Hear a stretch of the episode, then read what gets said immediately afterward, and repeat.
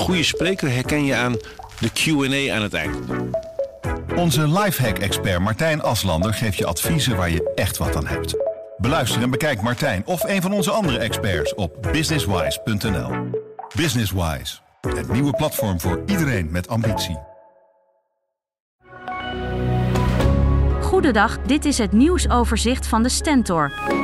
Een enorme brand heeft vannacht een loods in Zeewolde volledig verwoest. Er waren harde explosies te horen van ontploffende gasflessen bij het landbouwmechanisatiebedrijf. Rond twee uur werd het zijn brandmeester gegeven.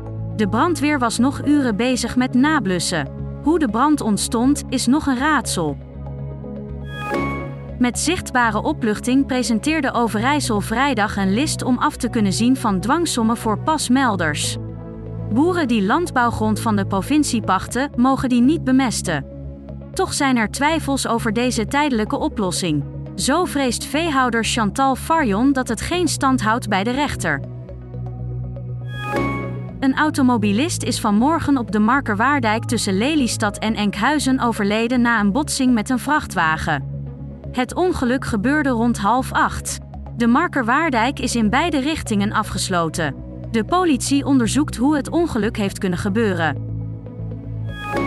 Een 50-jarige vrouw is gistermiddag zwaar gewond geraakt bij een ongeluk bij een visverwerkingsbedrijf op Urk. Ze moest worden gereanimeerd en is vervolgens met spoed naar het ziekenhuis gebracht. Hoe ze er nu aan toe is, is onduidelijk.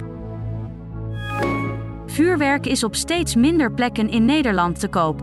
Zeker 338 winkeliers zijn gestopt met de handel. De overblijvers hebben het drukker, want de vraag naar vuurwerk is gestegen.